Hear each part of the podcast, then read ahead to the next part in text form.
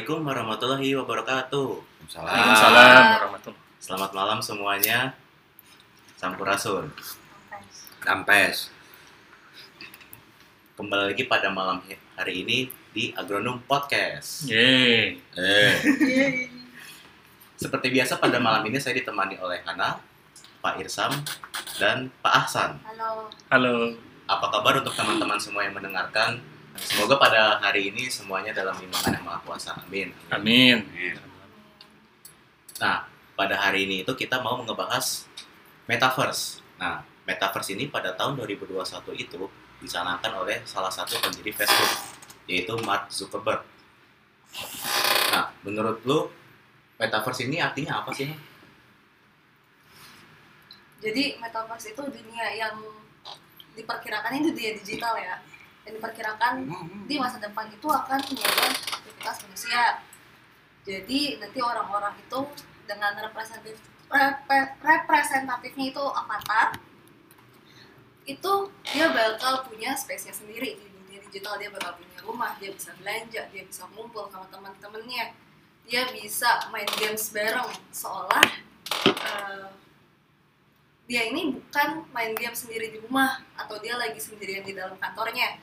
Tapi memang ada temannya di sebelahnya atau di sampingnya atau di mana pun yang dia bisa lihat langsung si repre- representatifnya ini.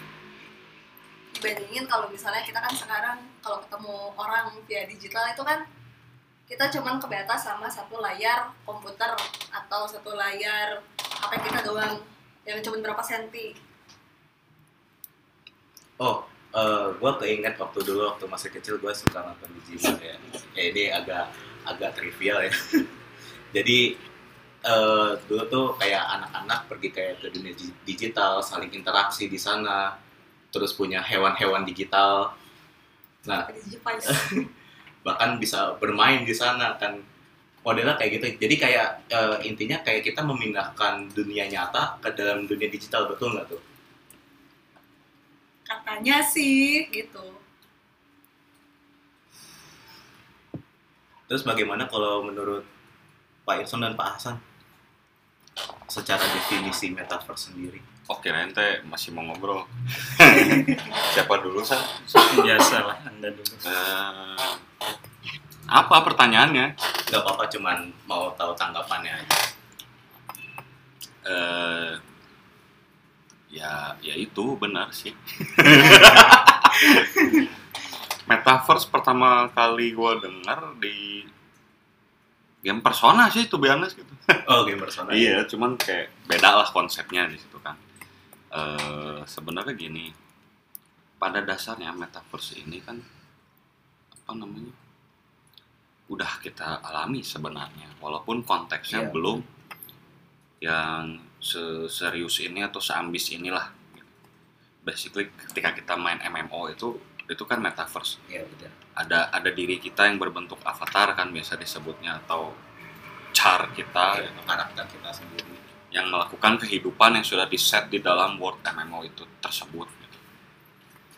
Jadi ya mungkin ini ya nanti saya dengar lagi dari kalian lah gimana gimananya baru saya tanggapin lebih jauh. Tapi kita anggap saja metaverse yang sekarang ini adalah improvisasi dari yang udah ada sebelumnya.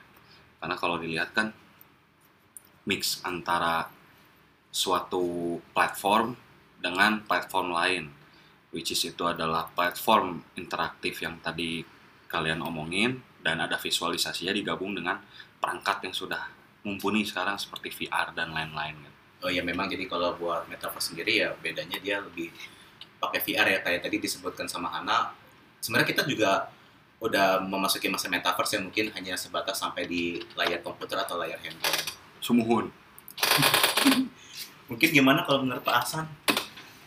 Iya, em, yang jadi perbedaan wahnya gitu ya dibandingkan dengan eh, game MMO adalah eh, salah satu aspeknya yaitu eh, kita bisa ngejual land kita di situ dengan harga yang fantastis gitu dan itu di disupport dengan teknologi blockchain segala macam gitu ya dan di situ ada eh, terlibat juga pros- adanya eh, cryptocurrency kayak gitu Di mana sebenarnya sih eh, di di game-game juga sudah ada ya in-game currency ya. Ya, Cuman- game currency. Eh, cuman eh, ya sebenarnya kalau secara komunitas itu in-game currency itu udah udah kayak cryptocurrency sih cuman cuman ya secara komunitas itunya aja gitu loh. Cuman eh, misalnya let's say Ethereum gitu ada ada ada third party yang memang eh, berlaku untuk semua komunitas biasanya kayak gitu. Ya intinya perbedaannya mungkin yang yang sangat jelas di situ sih menurut saya ya sama eh, dari sisi point of view-nya juga eh, kayak misalnya pakai Oculus gitu berarti kita pak- eh, pakai layar gitu ya yang di mana dulu mah kita di- dimarahin main game depan terlalu depan layar teh sekarang mah. Mepet di mata. ditempelin gitu di depan muka gitu. Bedanya itu. Jadi eh, mungkin kalau diadaptasikan ke dalam game eh, ininya eh, first person mungkin ya first person action atau apa gitu. Iya, first person. sementara kalau game-game ini game-game eh, MMO kebanyakan misalnya third person kayak gitu. Karena waktu kemarin sempat baca nih Elon Musk. Dia yang nyebutin kalau misalnya metaverse ini sebenarnya hanya jargon marketing aja. Karena sebenarnya udah dari lama. Iya nggak sih sebenarnya? Kayak soalnya banyak orang yang bilang ini tuh ya optimis lah sama si metaverse ini tuh terobosan ini tuh pasti kejadian. Tapi dia bilang ini marketing doang. Ya sebenarnya kalau dari konsep yang tadi udah pernah dibahas, ya kita sebenarnya juga udah dalam di masa metaverse ya dalam tanda kutip ya, walaupun tadi cuma sebatas layar apa handphone atau komputer. Nah kita kan sebenarnya melalui media tersebut sudah bisa berdagang, berkomunikasi dengan orang lain atau bahkan bermain game. Jadi ya balik lagi tadi bedanya. Eh, kenapa si Mas Elon ini bilangnya Mas Elon cuman jargon doang ya melon as ya karena kita cuma ngemindahin semua yang ada di dunia nyata ke dalam dunia digital. Walaupun fungsinya semua sama aja. Kayak tadi mau berdagang atau mau bermain dan lain-lain komunikasi yang, yang seperti itu. Sepakat. Sepakat? jadi dibilang kalau kata Mas Elon ini seperti Mas itu Elon. ada benarnya ada salahnya. Enggak enggak bukan gitu deh. Sorry eh 50-50 lah jadinya kita kan belum tahu kita mau bilang salah nggak bisa tapi kalau mau bilang benar ya memang belum terimplementasi udah ada lama dari dulu ya nggak salah cuman kalau mau bilang salah kita kan nggak tahu pengembangan ke depannya gimana cuman gue bakal menanggapi dulu di sini seputar dia bilang itu hanya sebatas wording aja Hmm. untuk untuk apa marketing yes. eh kalau kita ngelihat iklim marketing sekarang kan memang begitu. Apa pun hayu, apa pun kita jalanin, apa pun medianya kita taruh marketing kita di sana bisa jadi. Karena istilahnya eh apa namanya?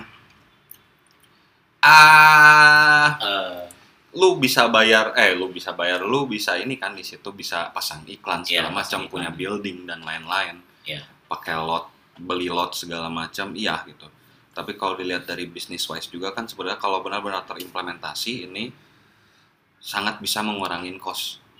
Untuk menurut gua pribadi nggak gede. Oh. karena tetap lu harus onsite. Yang namanya bisnis itu nggak bisa. Iya. Kita kita balik lagi ke basic need manusia adalah makan minum tidur cari uang. Dan 80% dari kegiatan itu lu nggak bisa lakukan di digital lu mau makan chipset gitu atau orang kan nggak kan? Listrik gitu. ya kayak gitu. Keduanya ada beberapa job yang memang nggak bisa digantikan. Terus kalau Elon Musk bilang ini udah dari lama yes. Dan gimana ya? Gue nggak bisa eh apa namanya bilang metaverse ini beda dari MMO nggak bisa. Karena basically memang seperti itu. Jadi banyak sekali contoh yang sudah berjalan. Kita ngomong jangan yang pakai VR dulu deh Eh, kalau teman-teman yang gamers mungkin udah pada tahu sama EVE Online. Itu sebesar apa gamenya dan sekompleks apa. Basically lu di situ bisa dagang bisa bikin perusahaan dan lain-lain. Cuman hanya settingnya planet-planetan kan ya. Iya, ciu-ciu kalau kata Asa Cucu. ciu-ciu. Terus eh, dan terbatas konteksnya games. Tapi sebenarnya balik lagi tadi mirip cryp- cryptocurrency kan duitnya. ISK itu lu bisa tuker dengan duit beneran lu Iya, jual ke gitu. player lain dan hanya bisa dipakai di situ seperti Ethereum hanya bisa dipakai beberapa platform saja kan. Terus apalagi sih kan nggak hafal orang currency-nya Bit, teh. bit, Bitcoin. Bitcoin juga yang bisa dipakai di ya apa bedanya gitu. Kalau kita mengacu, oh beda blockchain gini-gini lah, blockchain juga ujung-ujungnya acuannya dolar kan. Iya, tetap. Nah ya udah sama aja gitu gua. Dan itu sudah terjadi hanya saja konteksnya game. Sekarang sebenarnya sebelum metaverse ini hits, teman-teman mendeng- mendengar metaverse baik dari media luar ataupun media dalam negeri kita yang mulai hebring sama jargon ini. eh, dulu tuh udah ada di PS, cuman gue lupa, aduh nggak sempat nge-search namanya apa. Beneran ada dulu yang kayak gini. Kalau nggak salah tapi belum kompatibel sama VR, jadi bener-bener bikin Hmm. avatar orang kalau nggak salah free juga deh itu jadi lu bisa bisa berkegiatan berinteraksi Ya. social hub lu bikin party dan lain-lain bisa dan itu nggak laku pak Miiverse Iya. bukan? Miiverse, ingat. Itu. Miiverse mah Nintendo Ya, tapi tapi salah satunya itu Mi- Eh, Miiverse. Miiverse kurang sih kurang Kurang ya? kurang Miiverse Miiverse itu kayak banyak interaksinya kayak gimana ya bukan langsung ketemu Iya, ngobrol gitu loh Iya, iya benar. ini ini ada PS Game dulu juga sih Miiverse. game kan game tetap. Terus yang sekarang lagi eh, mulai lagi bukan mulai naik sih, yang paling rame juga kan untuk social hub ini kan VR chatnya sistem kan. Iya. Kalau kita buka channel-channel YouTube juga banyak kok di situ. Mereka juga di sana bisa main game, bisa berinteraksi, bisa nongki-nongki doang. Nah mungkin sekarang dan itu masih rame. Tapi kalau yang PS itu fail. Terus kalau sekarang kita ngomong konteksnya, iya kan beda. Metaverse itu memasukkan segala sesuatu aspek kehidupan yang ada di dunia nyata ke sana let's say kita bilang bisnis, government, dan lain-lain lah. Udah ada sih, walaupun konteksnya balik lagi, mau bikin game. Tetap Lu- lu- lu- game ya. sebenarnya. Karena memang game sebenarnya Iya. apa sih, apalagi sih, Iya. gitu. Eh, lu jadi citizen lagi di, di apa di suatu dunia di mana lu bisa jadi bounty hunter, lu bisa jadi trader, lu bisa jadi pirates, lu bisa jadi apa, itu Star Citizen. Hmm. Ambisiusnya, coba cek aja deh nanti gimana mereka pengen ngedeliver game ini. Iya. Kalau kita ngelihat sampai sekarang belum belum rilis pak, belum rilis dan belum tercapai gitu. Jadi ya kita nggak tahu kan beda beda skala ya developernya si Star Citizen sama yang sekarang lagi ngehebring hebring apa metaverse kan Metaverse. Facebook ya kalau nggak salah Zuckerberg Zuckerberg Cukup. kita nggak tahu permodalannya gimana eh, SDM-nya gimana tapi ya mungkin mungkin mungkin tercapai. Tapi nggak nggak nggak apa nggak nggak dalam waktu dekat dan ketika tercapai pun nggak terlalu signifikan menurut gua.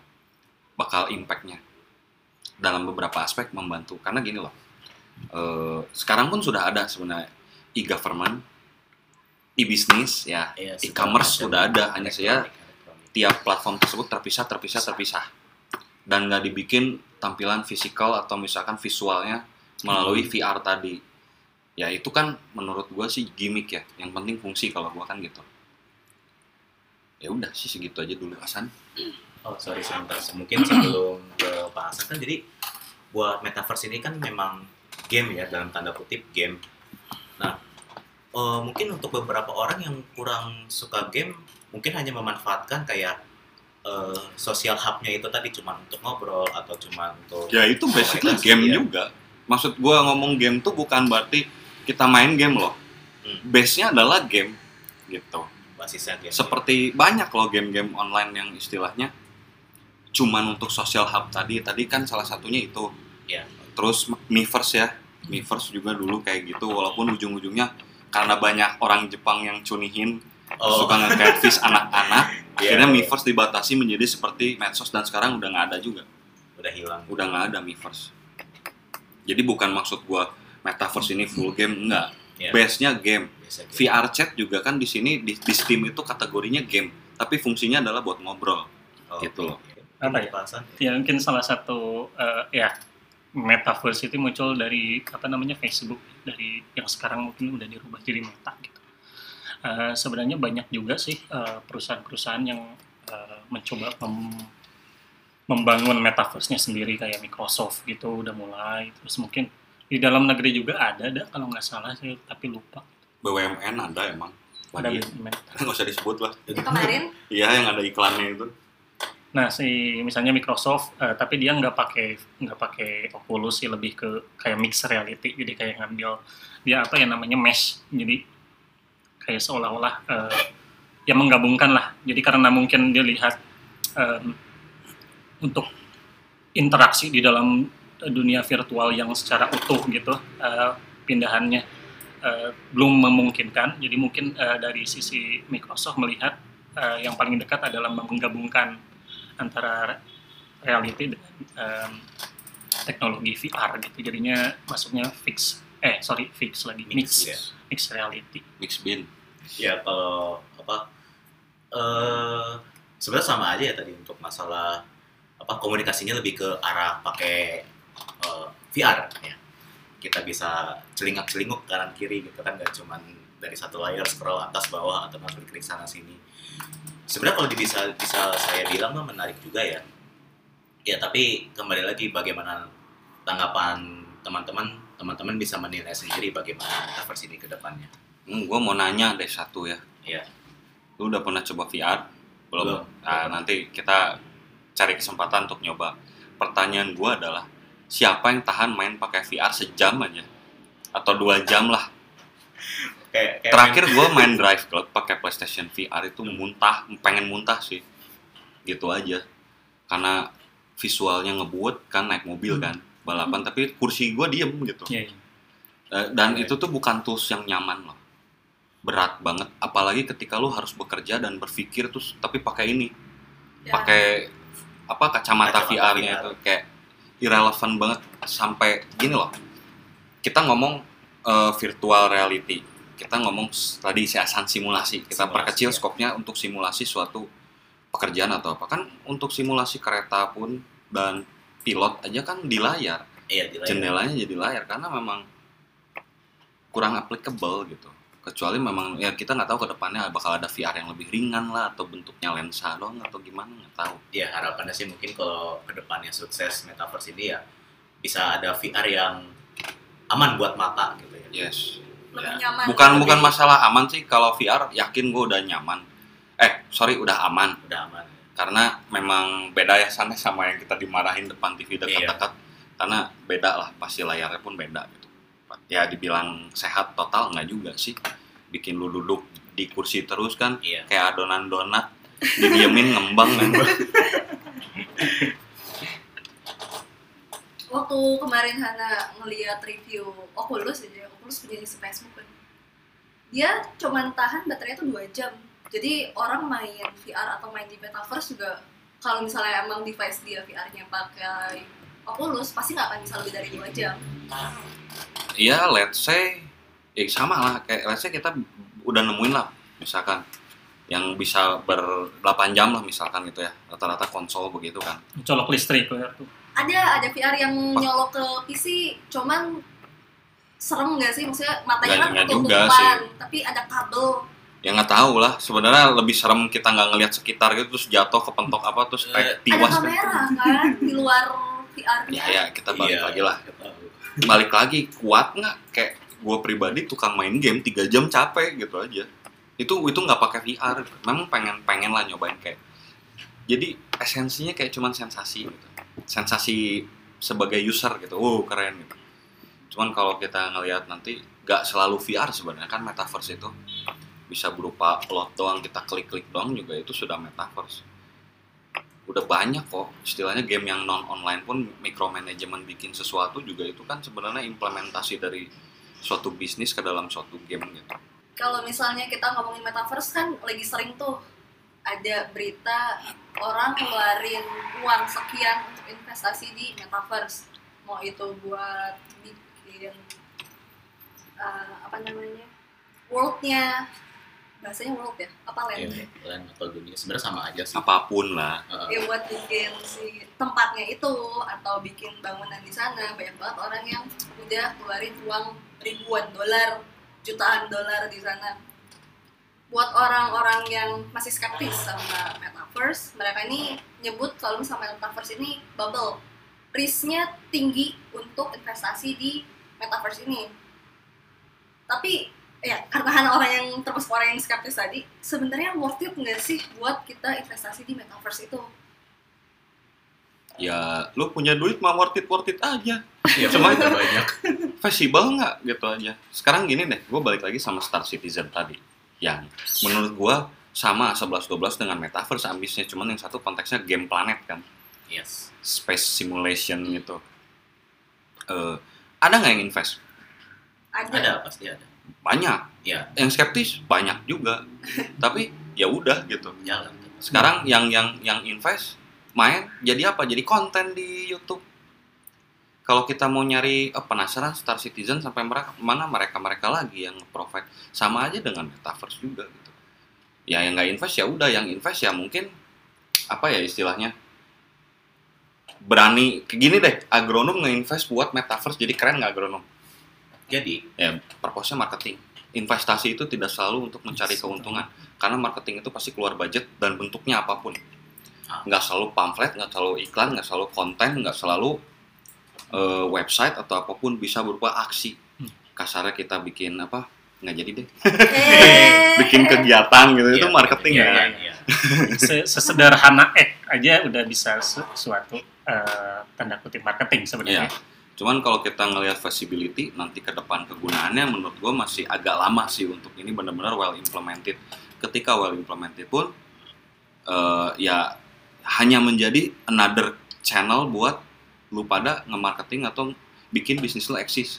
Biasa di IG doang, sekarang nambah nanti di metaverse gitu doang gitu. Dan menurut gue yang namanya e-governance atau e-business itu tidak akan total pindah ke dalam metaverse karena banyak hal-hal yang sensitif dan untuk ti- tidak untuk dipindahkan ke third party walaupun katanya metaverse ini nggak ada yang punya yaitu siapa yang dia yang buat gitu Iya, pasti ada. pasti ada, yang cetus awal ngontrol ya, pasti kan? ada admin Iya. pasti Ya karena nggak mungkin eh, kalau misalkan dibilang metaverse ini milik masing-masing. Oke, misalkan ya kita analogikan dengan kepemilikan tanah ya kita bisa beli land di sana. Tapi kan tetap kita mau ngebikin land ini tetap masuk ke platform metaverse nah itu kita nggak Iya. tahu loh ternyata metaverse ini hanyalah taktik para segerombolan apa konglomerat dan pelaku bisnis untuk mengalternet harga tanah yang sesungguhnya Nah, kita kan nggak tahu Nah, namanya juga apa menggoreng pasar kita nggak tahu Iya. kayak gini deh contohnya kemarin ramai banget cryptocurrency Iya. kan peminat saham jadi banyak yang pindah juga kan sebenarnya Iya. otomatis persaingan di pasar saham yang yang yang jelas gitu ya pasar saham atau pasar uang deh forex berkurang kan banyak yang pindah ke cryptocurrency gitu. Nah sebenarnya metaverse ini juga kita harus hati-hati dalam arti ini adalah suatu gebrakan yang bagus tapi bisa saja menciptakan bisnis-bisnis ngaco. Ngerti nggak sih? Misal, ya kayak kemarin lah contoh misalkan trading lagi dibikin hits lagi ada ada yang itulah platform yang lagi hits sekarang kasus kan yang Option option. option optionan Option- gitu option, option bi- binary option ya. binary option. Ya kan yang kalau kita ngomong prinsip dasar berdagang adalah jual beli itu nggak jelas jual belinya apa gitu kan begitu juga dengan cryptocurrency ada NFT mulai muncul platform-platform yang apa namanya ngejualin apa image-image doang ya ya eh, that's okay gitu sebenarnya. Tapi ketika gua ngobrol sama orang yang memang bergelut di NFT katanya ya memang kita ngejualnya base community. Terus eh ya relevan gitu. Cuman continuous nggak? Gitu loh Kalau misalkan ya dibilang continuous ya seharusnya continuous ya apalagi apanya ini tuh yang continuous? Eh, itu eh, kan gue lagi ngomong NFT ya NFT-nya yang continuous. Misalkan NFT-nya pasti karena memang untuk zaman sekarang orang seringnya pakai NFT kan banyak yang pakai NFT jual beli NFT dan kemungkinan ini bisa menjadi eh, trading masa depan. Nyama nggak gitu sebenarnya mah. Tapi gue bakal berani bertaruh gitu eh image atau karya seni yang ada di NFT itu pakai teknologi blockchain tidak akan semahal harga seni tangan yang memang dijual dan harus di price sama orang ya, pasti. tetap kalau lu punya duit Ya. lu konglomerat lu mau habis-habisin duit tuh di, barang seni lu nggak akan beli NFT gitu aja beda weh. ya istilahnya kayak sekarang deh dulu Guild Wars punya currency rame trading in game buat jadi duit beneran if online begitu juga New World begitu juga begitulah terus ada game baru ada game baru terus aja gitu Iya. ya kalau lu mau pindah-pindah terus silahkan walaupun ujung-ujungnya di OpenSea ya jualannya biasanya Bitcoin aja mati kan? enggak masih Hmm, ada belum. masih ada Masih cuman ada. nggak udah ah gitulah Cuman turun lagi turun aja ya kalau eh, dari saya sih mungkin si metaverse ini eh, apa ya eh, semakin besar dia gitu semakin besar si metaverse ini maka semakin em, tercapailah eh, tujuannya gitu. Kayak misalnya land suatu land lah eh, di metaverse gitu seharga sekian gitu ya. Kalau misalkan nggak ada usernya ya mau gimana? Ya kan tetap aja balik, ba- balik lagi ke eh, community yang di mana nantinya antara metaverse mungkin saling memakan dalam artian mengakuisisi atau dibeli atau gimana gitu atau eh, minimalnya usernya yang diakuisisi gitu kan ya. Eh, ya ujung-ujungnya pada perang ini perang fitur fitur utama yang dis- di, disediakan oleh eh, metaverse ini apa metaverse A dengan metaverse B ini apa gitu. Dan terlebih lagi ya eh, perang fitur ini kan sebenarnya em, ya kayak kayak kayak aplikasi sekarang kan. Kita pindah nih misalnya mau mau mau eh, pindah ke tempat transportasi lah dari titik A ke titik B pakai aplikasi hijau mau ke titik B Hijau. ke titik A pakai aplikasi biru kan. Di situ apa ada perbandingan-perbandingan lah. Mau pakai metaverse A misalnya ya dalam konteks tadi metaverse A atau metaverse B. Itu balik lagi ke eh, sisi si fitur atau mungkin kalau di kasus eh, transportasi mungkin dari sisi ininya apa namanya promonya kayak gitu. Ya jadi bisa memicu persaingan-persaingan gitu ya. Ya, ya. Iya berarti another product kan, Iya, bukan produk alternate world. Karena kalau kita ngomong alternate world, seperti yang dibahas, kita ngomong pergerakan bisnis dan ekonomi kan itu kan tujuannya. Itu Iya. kan ada invisible hand dan tidak terpengaruh oleh produk yang dirilisnya apa, laku mana enggak. Karena satu kesatuan. gitu. Kita ngomong MEA juga kan, apa MEA teh? Masyarakat Ekonomi Asia ya. Kan skopnya nggak cuman Asia sebenarnya, hanya mengelompokkan aja. Eh, nggak paham nggak? Ya gitulah Iya, pokoknya iya. gue susah ngejelasinnya. Jadi kalau kita ngomong ekonomi, kita ngomong bisnis itu nggak bisa istilahnya gue mau buka bisnis di metaverse A lebih laku daripada di B. Berarti itu another product. Sebenarnya Iya. mereka pakai third party product, bukan Iya. alternate bisnis mereka di dunia maya gitu. ya mungkin akan tercapai tujuan si metaverse ini ketika semua semua third party itu udah udah udah dipegang sama satu metaverse yang di mana kita nanti tinggal misalnya mau pesen mau pesen eh, eh, makanan gitu. Ya nggak usah nggak usah megang HP lagi udah di situ tek, mesen makanan mau mau melakukan transaksi perbankan gitu langsung di situ tek, tek, tek, tek. mau ngapain ngapain gitulah mau main game mungkin di situ juga ada gitu. Yang baru tercapai di situ kalau menurut saya. Tapi se- selama ada metaverse lain metaverse ini lagi muncul lagi belum bisa belum belum apa ya belum tercapai mungkin dia tujuan Sekarang kan udah gitu ya, jual-jualan tuh udah udah di mana-mana Ah, beda-beda. beda Bingung beda nggak pak? iya Sekarang kalau misalkan ada 10 platform terus biayanya segini untuk misalkan 1 M aja untuk satu lot. Berarti kita pasang 10 kan. Terus jadi 10 M. Sama aja costnya gede-gede lagi gitu. Jadi ya ya balik lagi lah ke depannya gimana. Makanya gue bilang nggak bisa kita bilang wah ini bakal feasible ataupun viable nggak nggak tahu belum iya belum jelas tahu. Berarti kalau misalnya kalian kalian jadi ini deh orang yang ngerekomendasiin orang lain buat investment, apakah metaverse ini bakal jadi salah satu produk lah ya karena bilangnya produk yang bakal kalian tawar-tawarin ke orang lain gak sih untuk invest? Mending beli tanah beneran kalau gue mau gitu aja. Kalau kalau saya eh, investnya dalam artian apa? Kalau kalau uang mungkin ya kalau berupa materi mungkin bis- lebih feasible kalau kita eh, beli apa namanya? Tadi tanah. Tanah beneran. kalau kalau misalkan invest waktu bisa dicoba lah karena semakin besar komunitas suatu metaverse akan semakin besar juga em, apa ya keuntungan dalam tanda kutip keuntungan berbagai macam keuntungan di dalamnya gitu. dan menarik juga ini kan ya menarik juga em, pem- baik itu pemodal maupun pengiklan karena semakin banyak user di situ semakin eh, menarik pula eh, ininya apa namanya eh, lapangan periklanan di situ. Iya. Udah kayak billboard ya? iya. Eh, jadi kalau ngomong investasi, gue sedikit teringat zaman-zaman startup. Kenapa? lagi Oh, hits. Kan banyak semua perusahaan besar rebut-rebutan untuk nge-invest ke startup yang jadi berapa sih? Inkubator ya. Inkubator atau apa pun nggak banyak sih. Ya kan? Nah sekarang pun sebenarnya si metaverse ini kan menggalang dana sistemnya berarti startup kan? Iya, menggalang dana dari berbagai macam pihak. Rata-rata games juga begitu kok di Kickstarter ataupun yang indie. Even yang triple A atau gimana pun juga begitu. Fundingnya deh. fundingnya begitu. Startup. Tapi kan balik lagi gitu.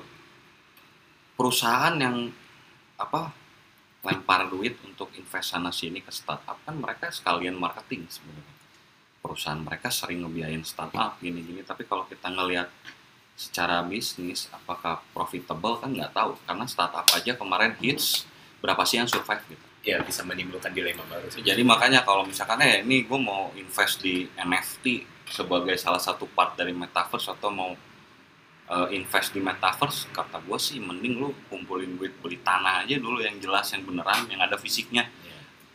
katakan beginilah tanahnya harganya turun lu bisa bikin rumah kalau bisa tidurin gitu. Atau lu usaha di situ jadi bisa kan? bisa ada tempat tinggal lu masih nggak punya Iya, kan, gitu. kasarnya ya masa kan mau tiduran di jalan terus makin metaverse? Sekarang gini deh lu mau jualan kopi sama makanan bisa di metaverse. Katanya sih. Ya kan Iya. cuman platform pemesanan Ma- Pemesanan, masaknya Iya, di situ. masaknya gimana lu kan bukan Digimon pak minum bahan digital gitu enggak. Kan minum daging virtual. Makan Makan makan.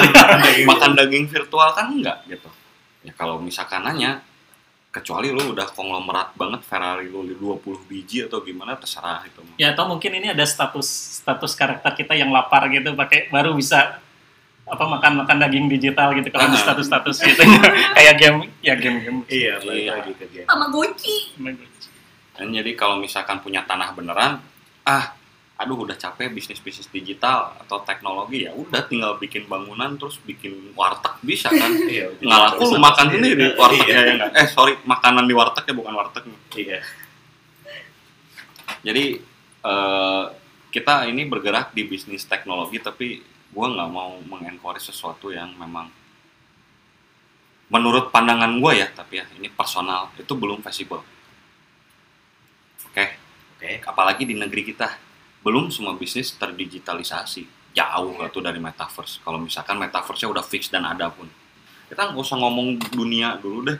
Karena kalau ngomong metaverse kan kita bukan hanya transaksi NFT yang bisa dibeli siapa pun kan.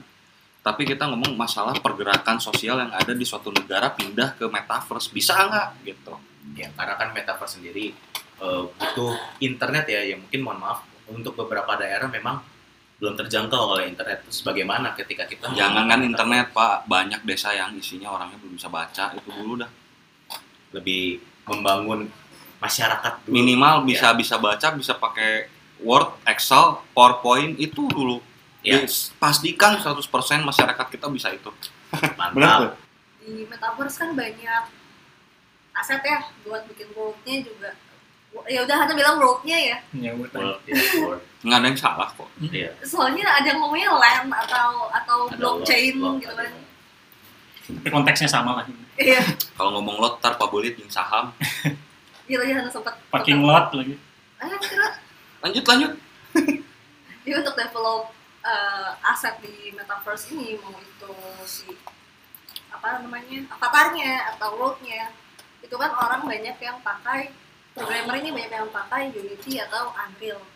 Sebenarnya ada nggak sih selain dua development kits itu buat ngedevelop si metaverse ini?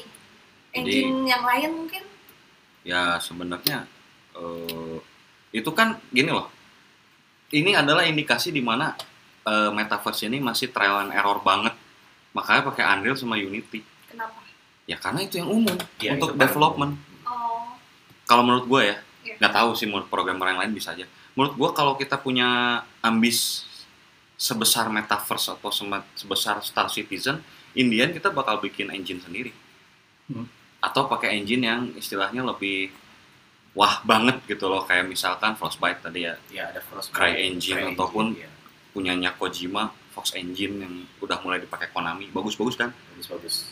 Eh, tapi kalau menurut gua benar-benar kalau misalkan serius mengembangkan metaverse ya pakai engine sendiri ujung-ujungnya. Karena menurut gua untuk sejauh ini dari dua tadi itu belum ada yang bisa mencakup kebutuhan metaverse. dua engine itu kecuali lu tambahin lagi atau apa gitu gue kan kurang paham juga masalah development game ya tapi kurang lebih kayak gitu lah ya mungkin kalau misalkan dibilang sebatas apa em, mengirimkan aset ke metaverse itu sebenarnya ada bisa pakai Blender cuman kan harus diintegrasi juga dengan engine yang memang dipakai sama metaverse sendiri Iya betul, tergantung dari eh, si metaverse-nya sendiri ya base-nya apa gitu. Kalau misalkan kita bilang metaverse-nya Meta atau Facebook gitu ya, dia menarik eh, usernya itu sekarang eh, berupa game ya. Eh, ben- itu nggak tahu diakuisisi atau gimana, pakainya the sandbox.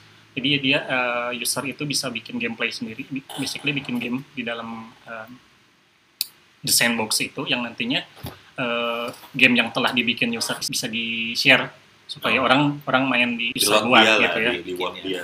Di web dia gitu benar. Eh, itu nggak tahu bentuknya dia bikin sendiri sih Facebook atau akuisisi itu dia pakainya itu voxel edit kalau nggak salah ya itu salah satu mungkin untuk em, penerapan asetnya dari dari 3D terus kemudian diimport mungkin masuk ke dalam sistem eh, the sandbox-nya baru bisa eh, playable. Udah banyak sebenarnya San yang kayak gitu kayak Talspire RPG Maker kan banyak sebenarnya. Kayak tinggal ngegabungin aja iya sebenarnya. cuman dalam satu platform itu yang jadi ribet dan nggak sebentar dan nggak Iya. tahu kapan dan nggak tahu bisa benar-benar iya. berguna apa enggak gitu. Dan bentuknya juga beda-beda kan ada yang eh, 3D-nya itu 3D eh, poly polyver apa ya poly polyvertex kalau nggak salah poly polygon Polygon. ya pokoknya banyak kayak Minecraft gitu ya? Ya bisa bisa kotak-kotak gitu kayak kayak Minecraft terus atau 3D 3D yang sekarang aja yang mulus gitu kan beda-beda gitu Hmm. engine. Jadi ya balik lagi ke disesuaikan sama fondasinya si metaverse ini gitu yang dipakainya fondasinya apa. Ya bagusnya sih untuk eh, karena metaverse ini memang ha- harus bisa dipakai sama semua orang ya. Alangkah baiknya gitu disediain lah daripada kita ngebikin engine sendiri. Oh bisa disediain kita bisa ya lu, bikin lu minta enggak disediain sama pemerintah minyak Iya. goreng aja tuh jangan langka. Enggak maksudnya dari dari ininya si si Mas Marknya ini Mark ya nggak gitu. Bukan begitu caranya kalau kata gua. Tapi lebih disadarkan lagi akan teknologi yang fungsional lah. Ya di negeri kita dulu lah kita ngomong bener-bener masyarakatnya melek teknologi tapi yang minimal yang jangan yang istilahnya ini mah suplemen lah gitu ya. Iya benar. Yang core-nya dulu bisa pakai akuntansi software akuntansi gitu-gitu dulu. Yes. ngapain ke sana? Nanti ke sana linglung kan. Iya. PR juga gitu. Ngapain? Mau mau revolusi industri sampai berapa kali juga kalau masih banyak masyarakat yang belum tangible sama teknologi sesimpel komputer atau eh, apa pekerjaan melalui komputer buat apa gitu nanti makin ketinggalan bangsa kita. Kan sekarang udah mulai iklan-iklan uh metaverse beberapa BUMN gue lihat. Cuy itu aduh mau ngomong bang gua tadi. Itu- Eh, itu jasa lu tangible dulu deh ke masyarakat kampung yang memang terpelosok banget yang belum kena listrik-listrik acan gitu. seharusnya. Tapi ya Hana nyambung sama yang punya Kak Irsam ya. Yang si BUMN yang tadi kan emang target mereka bukan kayak pelosok Hmm, sih iya iya Ya terus yang pelosok makin tertinggal gitu. di handle sama yang lain sama, sama dinas lain iya Ya kan gini pondasi negara kan ada rakyatnya ya. iya Kalau rakyatnya masih gitu-gitu aja perkembangannya Iya. juga bakal gitu-gitu aja. Sekarang gini deh. yang sampai dianaktirikan lah yang belum ini belum maju Ah, ah. gitu segala macam gitu Jadi gini deh, kita ngomong sekarang metaverse ini identik dengan games. Gimana industri games kita ketika bener-bener industri games dunia ini lagi naik. Keteteran cuy sebenarnya. Cuman hanya ada beberapa pihak yang bisa melakukan development game. Adapun yang independen pada kabur keluar. Coba kalau misalkan game ini eh, secara sosial itu adalah hal yang lumrah dan biasa, bukan sesuatu yang jelek. Kita kan didoktrinnya gitu ya dari dulu. kayak mulu Makanya Ya. makanya makanya ketinggalan gitu nggak sadar kalau ini adalah suatu karya seni modern yang bisa jadi uang yang bisa jambahin GDP negara sekarang aja baru heboh e-sport kan Iya, baru tahu udah dari tahun berapa tuh luar negeri. Iya. Iya. bukan masalah kita ketinggalan luar negeri lah kita kesadaran man- rakyatnya dulu deh. Iya. betapa gimananya gitu sama game. Nanti kan gini deh TikTok keluar aja banyak keluar hoax kan. Ini penyakit gara-gara kebanyakan main TikTok. Nanti metaverse gimana? Pasti keli cuy dulu. Pasti memang ada efek secara medis gue yakin. Itu yang masih bikin Iya. metaverse salah satunya adalah hal yang masih belum visible itu. Itu kita belum tahu. Dampak ya. continuous usage of metaverse tuh gimana? Sorry VR aja dulu. Iya. karena so far kan penggunaan VR nggak lama-lama Ya contoh kalau kita sering pakai mouse nih dengan posisi yang kurang kurang baik gitu, ini kan kena CTS apa carpal tunnel syndrome itu loh. Jadi Yang- harus dioperasi gitu kan Ah. Wah. tangannya. naik Ya, motor ya lah. naik motor ya, kelamaan kan cangkel bujur bener Iya. Begal kecuali semua. memang hobinya diem aja Oh iya, eh, untuk yang ini sih BUMN ini, saya malah tertarik tertarik sama fitur yang yang ditawarinnya apa sih gitu? Ada yang pernah nonton? Nggak tahu. sama aja videonya teh direksinya bentukannya 3D gitu ceramah nggak tahu lah Ya, jadi kayak ya yang dijual itu berarti experience-nya gitu kan. Kalau game kan beda-beda ya. Misalnya anggap MMO gitu, kita mau ngerasain experience berpetualang di dunia itu gimana gitu. Nah, maksud maksudnya kalau di metaverse-nya salah satu BUMN ini apa sih experience yang bakal mereka jual supaya banyak orang yang eh, jadi user mereka? belum ada Gimana ya? belum ada jadi ya udahlah itu mah Ya penasaran gitu. ngaramekeun we ngumpul meureun teu nyaho orang Iya, ge jadi mereka mereka cuma kayak buka cabang aja nih orang-orang yang main metaverse ini juga ya udah sini hayu buka ya berarti integrated sama metaverse yang udah ada nantinya kan iya Iya. Oh. jadi cuman buka cabang virtual ya berarti lah. bukan ngedevelop metaverse dong mereka jadi user metaverse kalau kayak gitu bilangnya kan gitu. Terus beda bedanya apa kita megang ini? Terus ngakses digital banknya mereka? Terus gimana? Apa bedanya gitu? Yang satu lewat VR lewat kan satu PR lewat satu. Yang Iya. satu lah. experience experience yang dijualnya. Which is kita masih lebih perlu sesuatu yang ada purpose-nya daripada experience untuk negara kita gitu. Minimal itu deh tuh di depan kan banyak apa alat untuk bayar parkir ya itu aja nggak kepake di kita. Mati kan mati kan ya udah gitu. Padahal itu sangat membantu kan sebenarnya karena jadi kepikiran lagi tadi kan Pak Hasan sempat ngomongin kalau misalnya tiap tampilannya worldnya metaverse ini aja udah beda-beda ya. Tapi awal Hana dengar metaverse itu rencananya setiap avatar yang ada di metaverse itu bisa pindah ke uh, macam-macam world. Terus kalau misalnya tampilannya beda-beda pas dia pindah gimana? Nggak bisa keren apa ya, itu hal biasa sih sebenarnya kan pasti ada standarisasi juga sih. Eh, eh, pasti ada salah. lu lu pada main Conan Excel kan bisa transfer karakter ke server lain kan ya? Another thing saja itu. Tapi masih dalam satu ini satu environment pasti kalau beda cross server gitu gimana? Dari misalnya kita main Conan ya tadi disebut terus terus mau pindah ke game apa gitu? Karena kan gini loh worldnya udah ada set template-nya. Iya. nah kalau misalkan me- metaverse ini bermacam-macam produk ada metaverse-nya Facebook ada metaverse-nya apa misalkan gue nggak yakin sih bisa pindah karakter gitu. Balik lagi kayak NFT ataupun cryptocurrency yang A nggak laku di B gitu. Iya, dan sebaliknya. itu aja. Walaupun walaupun menggunakan NFT tapi tetap platform yang dijualnya misalnya OpenSea atau yang satu foundation foundation app gitu kan beda-beda. Tetap misalnya kita mau eh, ngupload gambar yang sama nih di OpenSea gambar eh, misalnya warna merah doang dengan hex hex code tertentu terus kita upload gambar di foundation itu tetap bisa cuy.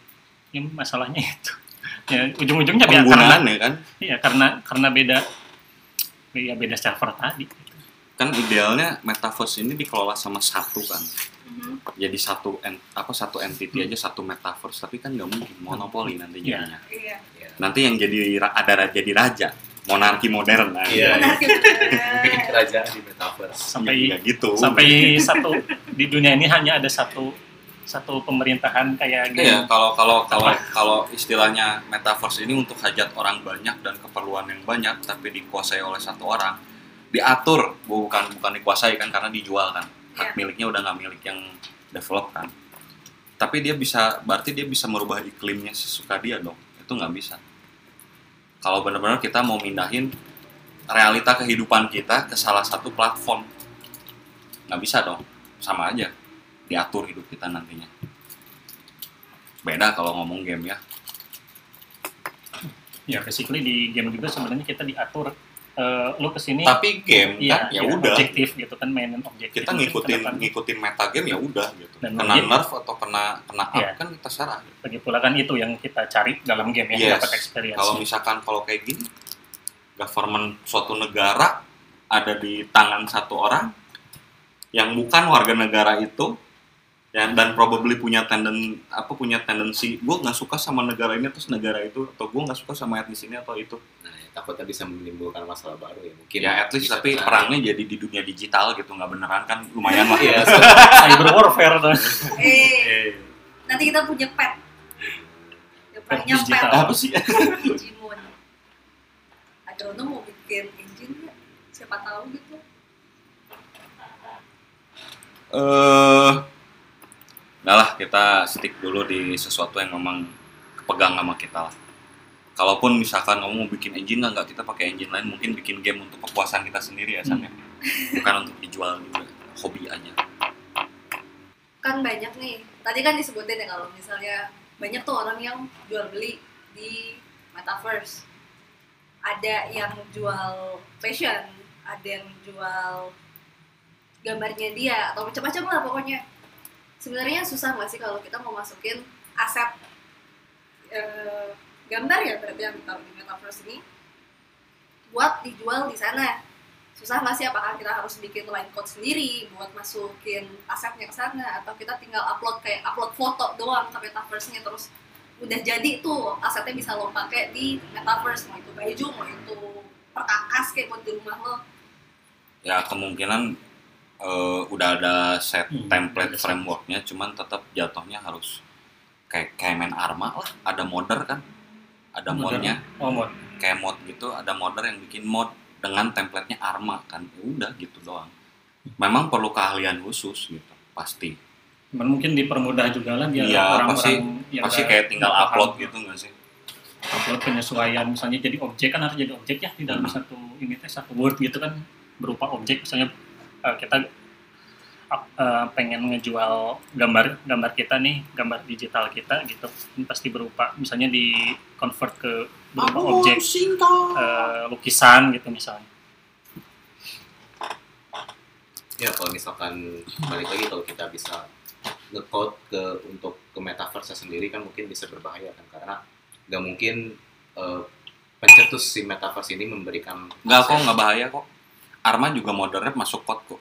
Tetap masuk ke tapi hanya strictly buat mod dia Untuk nggak nggak masuk ke kan, core ya. system. Bukan bukan ke core systemnya ya kalau misalkan ke core system ya kali gitu misalkan istilahnya udah sebesar Facebook masih mengkhawatirkan yang gitu gila aja. Iya. Pasti udah cyber security-nya udah jagoan lah. Dari tadi kan disebutin nih kalau misalnya metaverse itu kayak kita main game. Metaverse itu kayak game. Terus bedanya metaverse sama game yang sekarang ada nih yang sekarang ada di pasaran kita mainin sehari-hari bedanya apa dijelasin kan tadi iya maksudnya kayak kenapa kenapa masih kayak orang Eh, simply scope-nya yang satu game konteksnya game untuk senang-senang dan main game tersebut yang satu berusaha menggunakan konsep game untuk kehidupan nyata udah gitu aja. Ya mem- memindahkan apa dunia nyata ke dunia virtual itu Ber- berinteraksinya jadi full di sana kan kalau misalkan sebatas tadi kan dibilang kalau main game biasa MMORPG atau main game di HP kan sebatas layarnya itu doang. Ini kan experience nah yang itu itu bukan bukan masalah experience-nya. Jadi lu mau main game grinding naik level kan? Kalau lu metaverse main game lu cari duit di situ kerja di situ makan di situ enggak juga sih. Pasang iklan di situ gitu aja. Iya. jadi bukan masalah yang tadi Pak Kris sebutin gue nggak setuju kalau itu. Jadi game ya main game gitu. metaverse ya kita menggunakan konsep game untuk menjalankan kehidupan kita kegiatan kita yang biasa kita lakukan. Nah, kerja biasanya kita eh, switch antara Slack misalnya sama eh, Doc gitu Google Doc atau apa Word di sana meureun langsung gitu.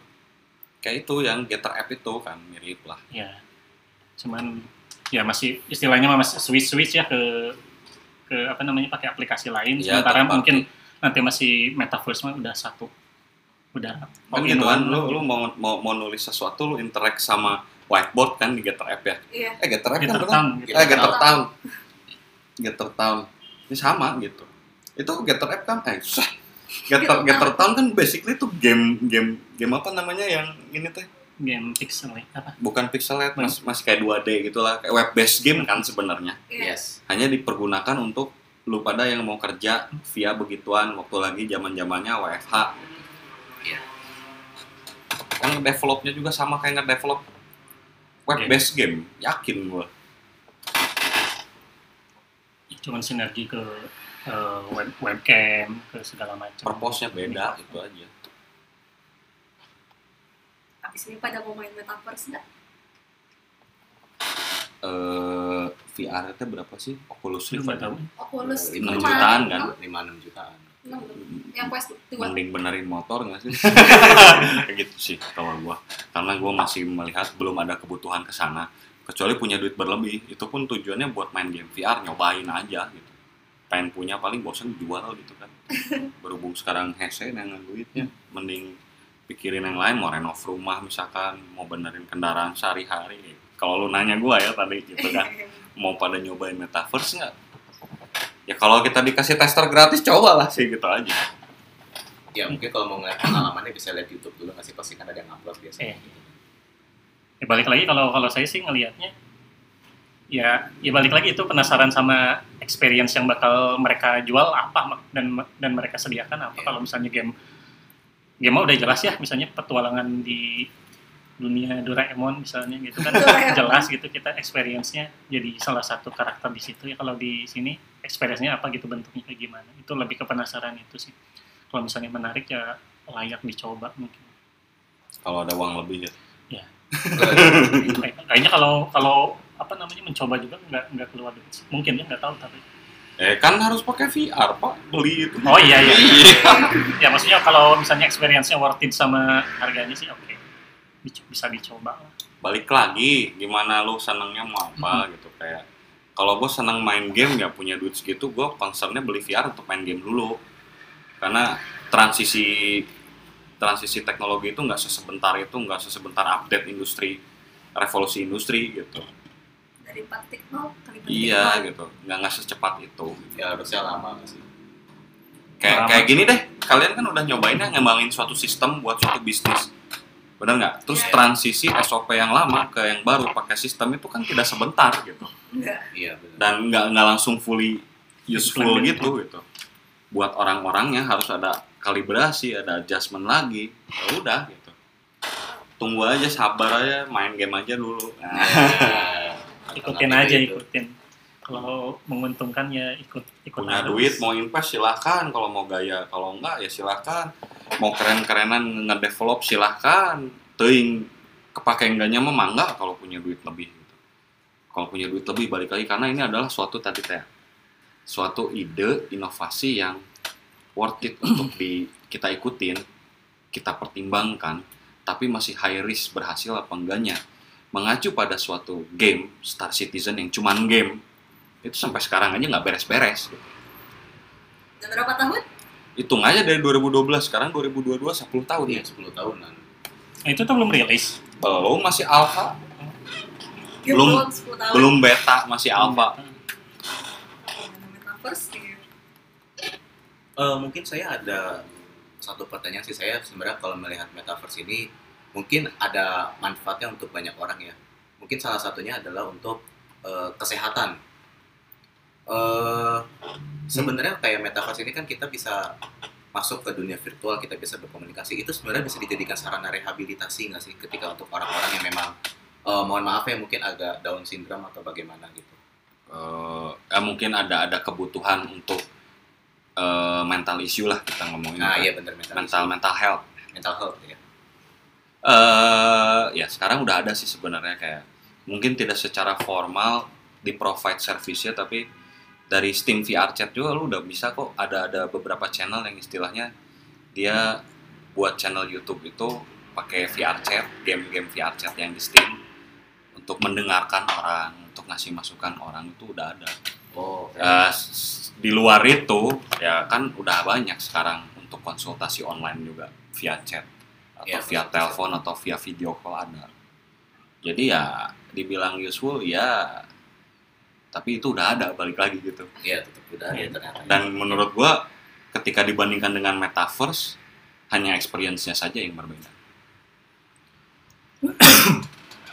Nah, Chan? mungkin hanya mediumnya berbeda lah Iya, itu.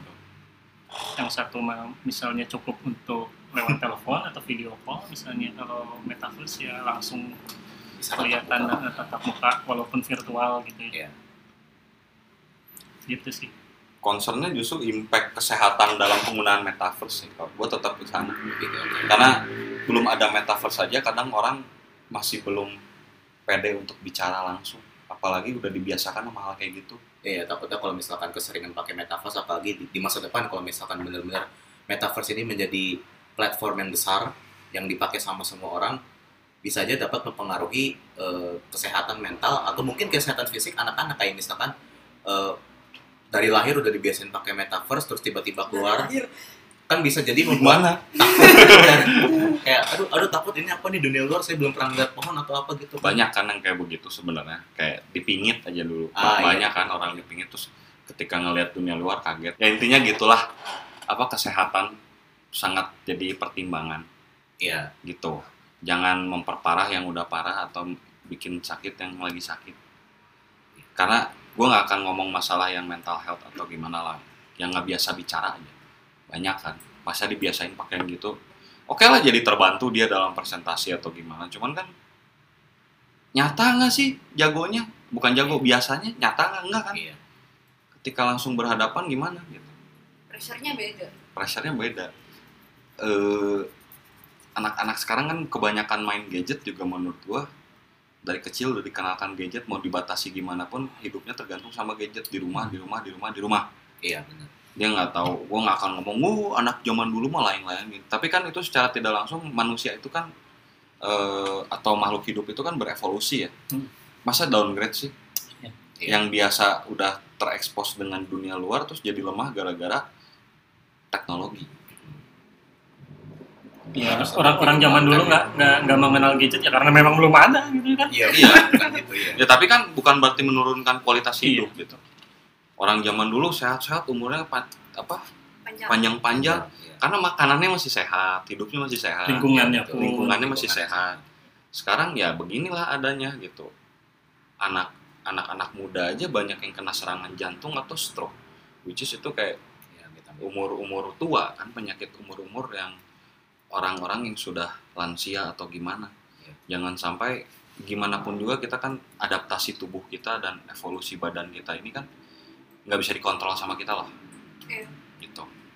Dan ketika kita interaksi sama dunia luar juga banyak experience yang nggak akan lo bisa dapetin dari gadget, dari dunia digital ataupun buku gitu. ngomongin yang mental health tadi eh, internet biasa aja orang udah ini Hana nyambungnya ke cyberbullying ya. Ini kan sekarang tuh lagi kencang sampai ada berapa orang yang meninggal karena dia main internet main internet. Kontakkan komunikasi sama orang via internet eh, via chat aja atau via DM itu kan banyak banget orang yang kena bullying. Terus sampai ada yang ya, Ya, paling Ya, paling itulah. parah meninggal. Gimana kalau misalnya orang ketagihan metaverse ya jangan sampai ada addiction lah gitu aja. Mental gitu ya. semoga ada.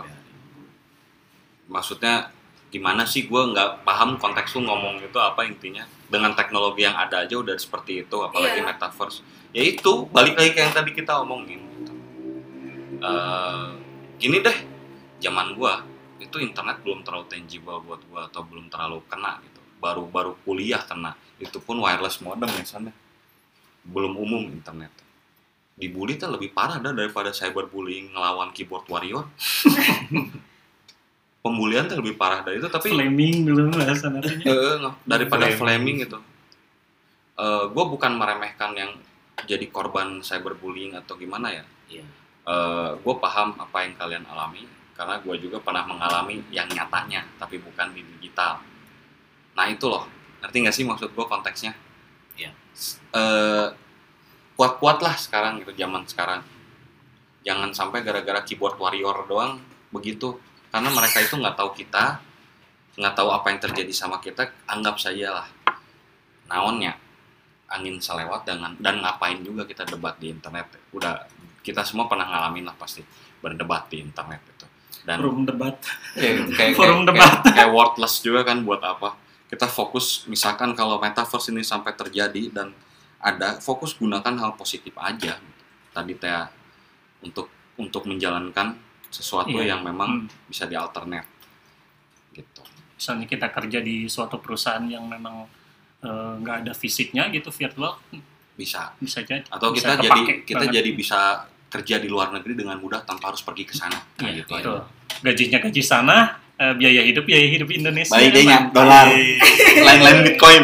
Ya jadi ragam dari metaverse ini banyak yang mulai dari eh, resikonya yang apa ditimbulkan apa eh, saat kita mau nge-invest atau yang memang masih takut buat nge-invest atau memang metaverse ini masih hanyalah sebatas jargon kalau tadi menurut si Mas Elon itu Wording. wording ya Wording marketing nggak sih maksudnya dia? Iya. Ya. ya em, Jargon bahasa kita cuy. Oh iya. Mas Elon.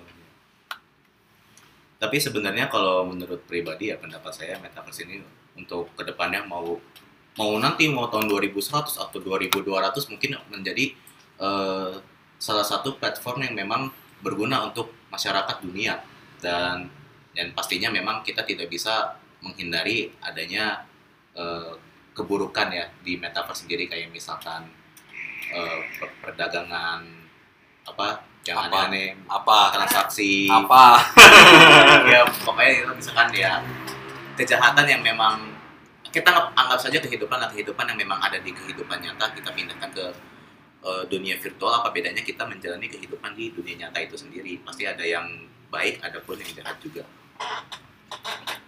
Intinya mungkin maksudnya gini ya. eh, metaverse ini pasti positif untuk masyarakat. ya untuk untuk manusia lah dalam aspek tertentu dan hal-hal yang terbatas lah. Menurut gua nggak akan bisa full gimana pun juga lu BAB atau makan kan harus Iya. nyata ya. Itu sesimpel itu itu contoh konyolnya. Ya tapi kita ngomong aspek lain tuh banyak yang nggak bisa kita pindahin ke virtual itu nggak bisa. Eh, tapi selalu ada impact jeleknya. Bukan hanya masalah eh, eksploitasi fitur metaverse ini menjadi penipuan atau apa pun lah tapi juga efek kesehatan medis dan psikologis seseorang juga bisa berpengaruh karena itu. Nggak ada metaverse aja banyak yang ae ae ada. kalau diajak ngobrol kan. Hmm. apalagi yang ada gituan gitu. Ya mungkin bisa jadi membantu dia tapi kalau dibiasakan jadi buruk juga kan. Ya takutnya ketika berhadapan langsung jadi bahaya kayak tadi. For starter bisa untuk membantu orang-orang yang memang kesulitan dalam komunikasi atau bersosialisasi. Tapi itu nggak bisa continuous. Gimana pun juga sooner or later mereka akan dihadapkan dengan orang secara fisik atau masyarakat atau kelompok secara fisik? Ya kayak sesimpel misalnya eh, nanti di metaverse gitu. Orang-orang yang misalnya kurang eh, apa namanya tidak punya eh, cukup cukup eh, materi untuk pergi ke suatu tempat misalnya ke menara Eiffel gitu tapi secara virtual kita bisa merasakan Nah. lewat ini Nah. tapi tetap kan beda dengan datang iya ke sana dengan datang ke sana at least it's good for starter gitu ngerti Iya. substitusi sementara sementara Eh, nambahin lagi kayak misalnya manasik haji nih latihan kan ah, nah, bisa pakai itu tuh ya. Bisa daripada langsung. panas-panasan kan. Panas-panasan, ya. Dan cobain dulu ini Cobain. gini manasik haji untuk anak TK lah misalkan iya gitu kan bukan bukan ya kan gitu dulu sering ya iya ada nah terus balik lagi ke tadi konteksnya sebelum ditutup eh ini bisa jadi treatment atau latihan. Manasik haji atau yang lain-lain misalkan experience di lab simulasi di lab itu kayak gimana dan lain-lain atau bicara dengan orang. Misalkan kita aduh gue nggak bi- nggak biasa presentasi nih mau mau latihan presentasi. Terus di VR yang liatnya Elon Musk misalkan Nah, sama siapa? Zuckerberg. Zuckerberg. Mas Mas Zuckerberg. Jadi ada pressure tapi kan Iya. tidak nyata tetap tetap harus ada dibiasakan dengan yang nyata. Untuk starter untuk latihan oke. Jangan sampai menciptakan keyboard warrior keyboard warrior lain gitu. kan keyboard warrior itu adalah salah satu orang korban media digital. Mereka berani ngetik-ngetik gitu ngeledekin orang. Coba ketemu langsung eh eh eh gitu kan. Iya iya. Banyak tuh di forum-forum anime. Eh, ibu-ibu. Aduh. Gitu aja sih. Iya perlu riset lebih lagi. lanjut. Jangan Iya. cuman masalah teknologi. Teknologi gampang banyak fasilitasnya banyak medianya. Tapi itu efek sosial ke depannya efek psikologis masyarakat bagaimana ini akan disetir ke arah yang baik. Gitu aja sih. Hasan? Ya, udah. Oke, jadi mungkin eh, bagi teman-teman yang ingin memberikan tanggapan tentang met- metaverse, boleh langsung eh, komentarnya di eh, Instagram agronom.tech atau mungkin bisa DM langsung kalau ada yang mau tanya-tanya. Iya. paling nggak bisa jawab gitu wow. Juga bisa kontak kami di reach.us@agronom.tech. Ya, kalau misalkan ada pertanyaan seputar metaverse ataupun yang lain silakan saja ya Atau request pembahasan? ya request Ya, pembahasan boleh, ya. boleh. kita terima saran dari teman-teman juga oke oke eh, untuk podcast hari ini mungkin kita tutup dulu ya Eh, selamat malam assalamualaikum warahmatullahi wabarakatuh Waalaikumsalam warahmatullahi wabarakatuh.